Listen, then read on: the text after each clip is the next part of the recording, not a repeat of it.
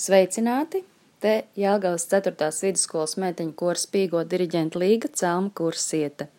Un es labprāt dalītos atmiņās par sevis piedzīvotajiem septītajiem skoljaunas dziesmu svētkiem jau atjaunotajā Latvijā, kuri notika 1995. gadā. Un šajos svētkos galvenā varone un zvaigzne bija mana mamma Liena Cēlma, jo viņas vadītais meiteņu koris mūzikas novirzienu koru grupā izcīnīja uzvaru. Un uh, vēl šie svētki ir īpaši ar to, ka uh, šajā skatē, kad šī uzvara tika izcīnīta, var teikt, ka notika mūsu cēlmu ģimenes apvienošanās un simbioze, kāda pēc tam vairs nekad nav notikusi. Jo Pirmajā rindā dziedāja 5. klases skolniece Daina Cēlma, mana māsa, tagad veiksmīga juriste. Es stāvēju kora pēdējā rindā, 10. klases skolniece. Mana mamma, protams, diriģēja šo kori, bet uh, dziedājām. Mēs kā pēdējo noslēgumu dziesmu, kā izvēles dziesmu, mana tēva Agra Celma uzrakstīto Labrīt puķe, arī man ziedoņu tekstu. Nu, un šī dziesma izdevusies brīnišķīgi dzirkstoša un uh, spoža, skanīga, melodiska, veltījums manai mammai un kora meitenēm, un paši pēdējie noslēguma akordi otrās oktāvas lā. Es atceros, mēs kā pirmie soprāni paņēmām spoži un skanīgi pāri visai universitātes saulai.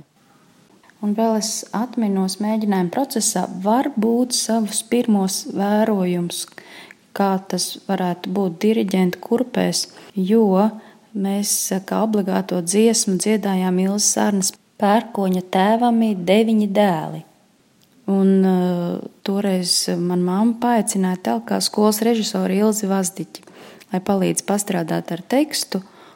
Un uh, tad uh, arī to Ilzi Vazdiķi brīnišķīgi izdarīja, palobīja nost to vienkāršās tautas dziesmas uh, virskārtiņu un atklāja kādu mītisku slāni, kuru mēs, protams, eh, pirms tam nebijām pamanījuši.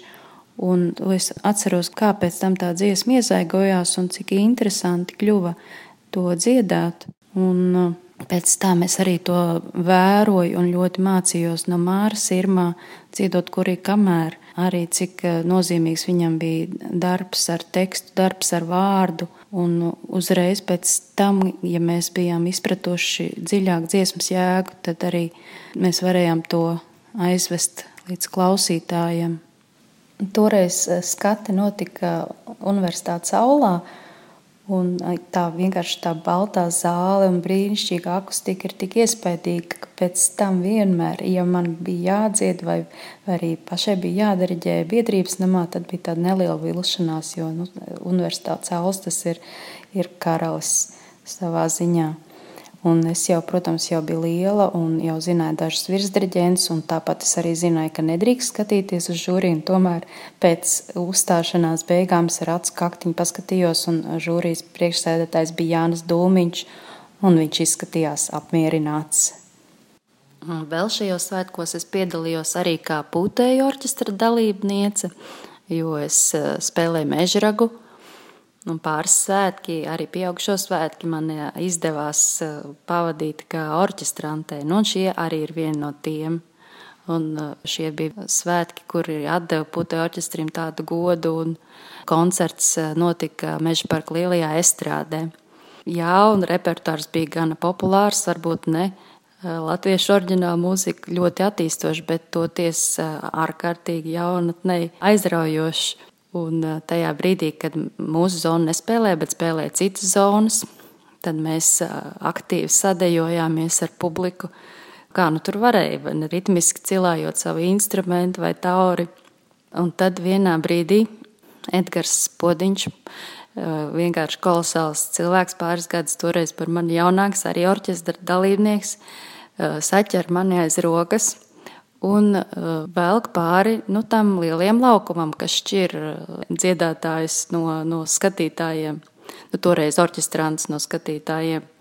Un mēs pārskrienam pāri šim laukumam, satiekam savus skolas dziedātājus, kur ir atnākuši uz koncertu kā dalībnieki. Un uh, mēs izveidojam milzīgu virteni, kas kā čūska vijās caur skatītāju rindām, pievācot vēl ar vienu jaunus un jaunus jauniešus, un tad tāda milzīga čūska toreiz atceros locījās cauri meža parka skatītāju rindām.